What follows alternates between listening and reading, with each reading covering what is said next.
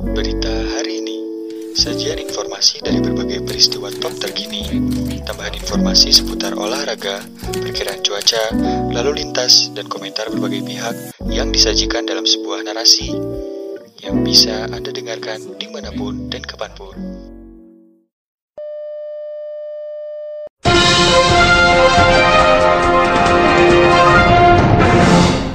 Berita hari ini datang dari dunia nasional. Petugas Polsek Medan Area Medan Sumatera Utara menggerebek rumah terduga pelaku jagal kucing di Jalan Tangguk Bongkar 7, Kelurahan Tegalsari, Mandala 2, Medan. Polisi menemukan sejumlah kepala, organ, dan tubuh kucing yang telah dipotong. Pemilik tempat jagal berinisial NS telah ditetapkan sebagai tersangka. Penemuan itu berawal ketika seorang warga menggugah cerita penemuan kucing hilang yang telah menjadi bangkai di media sosial. Warga yang menemukan lokasi lokasi pemotongan dan bagian tubuh kucing itu kemudian melapor ke polisi. Salah seorang warga pemilik kucing, Sonia Rizkika, mengatakan awalnya menemukan kucing yang dimasukkan ke goni. Menurutnya warga sekitar telah mengetahui bahwa pemilik tempat jagal itu memang suka menyiksa kucing dan anjing. Memang semua orang-orang sini sebenarnya pada tahu kalau bapak yang ini memang suka motongin kucing dan anjing itu. Memang untuk dikonsumsi, sekalian minum tuak gitu biasanya, kata Sonia dikutip dari CNN Indonesia TV Kamis 20 29 Januari 2021. Ia mengaku menemukan lima kepala kucing dalam goni yang ada di depan rumahnya. Sonia melihat banyak darah berceceran di sekitarnya. Kemarin saya pas buka ada 4 sampai 5 kepala kucing. Terus saya juga merasa salah satu kucing saya ada di situ, ucapnya. Sementara tetangga NS Anggiat Sipahutar menyebut pemilik tempat jagal itu sehari-hari memang memotong kucing. Setiap hari ini kan baru siap potong ini, itu kak masih basah dagingnya, tuturnya. Polisi menyatakan NS diancam dengan pasal 302 KUHP tentang penyiksaan hewan yang menyebabkan kematian. NS juga terancam dijerat Undang-Undang Peternakan dan Pertanian Nomor 41 Tahun 2014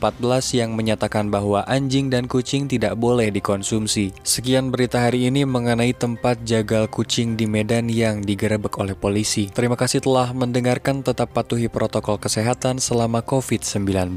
Saya Zaid pamit undur diri sampai jumpa di berita-berita berikutnya.